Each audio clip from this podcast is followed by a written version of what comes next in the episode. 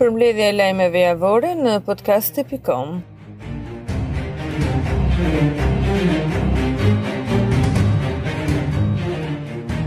Në Tiranë është mbajtur për herë të parë konferenca rajonale e Ballkanit Perëndimor, qytetet inteligjente, si nxitje për shtimin e investimeve në teknologjitë e sigurta inteligjente për qytetet dhe modernizimin e shërbimeve publike.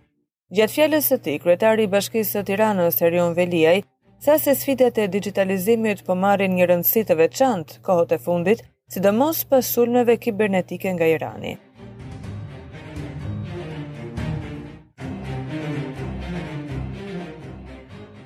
Në një kohë kur sulmet kibernetike nga Irani kundrejt Shqipërisë janë të njëpasnjëshme, ambasadorja e Shteteve të Bashkuara të Amerikës, Yuri Kim, garanton mbështetjen e SHBA-së në mbrojtje të të dhënave të shqiptarëve. Siç kemi parë ato që kanë ndodhur rishtas në Shqipëri këto muajt e fundit, ne po sigurojmë mbrojtjen nga keqdashës që dëmtojnë jetën e qytetarëve dhe e minojnë besimin e tyre në demokraci. Kjo konferencë për qytete dixhitale vjen në një moment kur të gjithë kërkojnë përgjigjen e pyetjes si mund të kombinojmë teknologjinë dhe liderët në mënyrën e duhur për të qenë të sigurt dhe për të përmirësuar të drejtat e qytetarëve tanë. Shtetet e Bashkuara të Amerikës janë këtu për t'ju ndihmuar, tha Yuri Kim.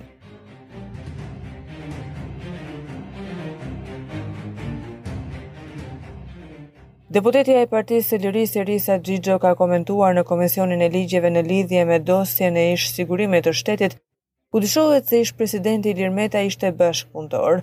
Xhixho u shpreh se kjo çështje është një alibi e qartë e mazhorancës dhe duhet të zbardhet sa më parë. Ajo shtoi se gjithashtu, në lidhje me këtë ngjarje është bërë një kallëzim në SPAK për shtatë vepra penale të kryera nga Autoriteti i Dosjeve.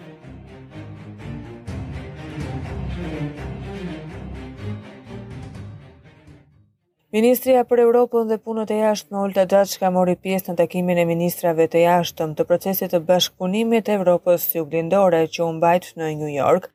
Ministrja Xhaçka përgëzoi Malin e Zi për organizimin e këtij takimi, i cili sipas saj vjen në mes të një krize të paprecedent të shkaktuar nga lufta e paligjshme e Rusisë kundër Ukrainës.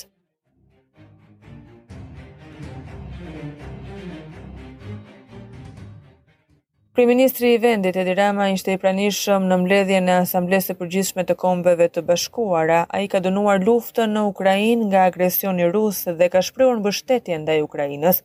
Teksa kryeministri foli për trazirat e fundit në botë, përmendi edhe sulmin kibernetik dhe i bëri thirrje Ambasadës së Kombeve të Bashkuara të vendosin fokusin në sigurinë kibernetike.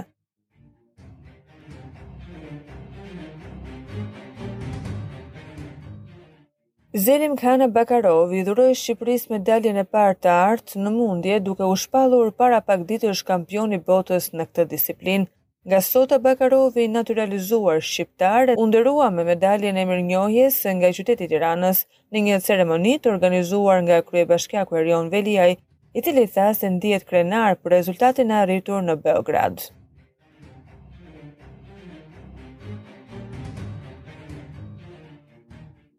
Dy persona janë arrestuar në Durrës pasi me makinën me të cilën udhëtonin është gjetur kanabis dhe kokainë.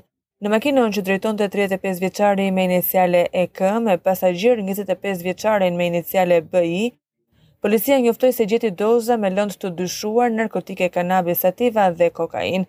Gjithashtu, të arrestuarve iu gjetën njëqind e dymbëdhjetë mijë lekë të rinj dhe dyqind euro të dyshuara të përfituara nga kjo veprimtari kriminale.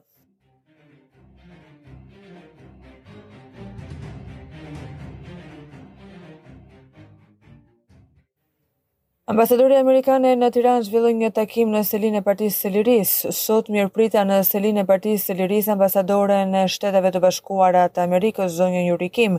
Ishte kënaqësi të diskutonim hapur dhe në mënyrën konstruktive mbi bashkëpunimin e Partisë së Lirisë me Shtetet e Bashkuara të Amerikës në interes të forcimit dhe intensifikimit të partneritetit strategjik midis Shqipërisë dhe SHBA-së. përmbushjes së detyrimeve tona si vend anëtar i NATO-s, si dhe reformave prioritare të përshpejtimit të integrimit europian të Shqipërisë dhe Ballkanit Perëndimor në Bashkimin Europian, shkruan Meta në postimin e tij në Facebook.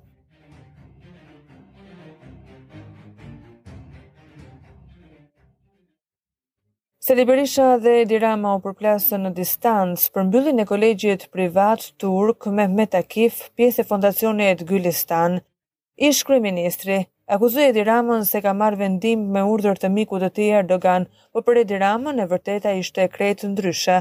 Kryeministri akuzoi Sali Berishën për konspiracion, lajme të pavërteta dhe përdorim të fëmijëve. Në sqarimin e parë publik pas vendimit, kryeministri sqaroi arsyet e vendimit të qeverisë për t'i vënë dryrin shkollës.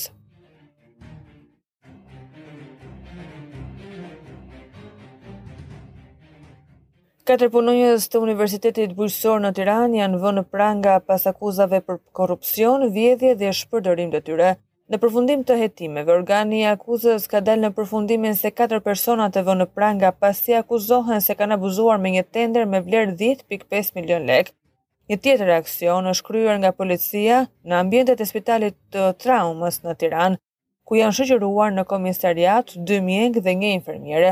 Në operacionin policor të koduar Skaneri, U ndalua mjeku reanimator me iniciale FM, mjekja me inicialet SB dhe infermierja me inicialet KB.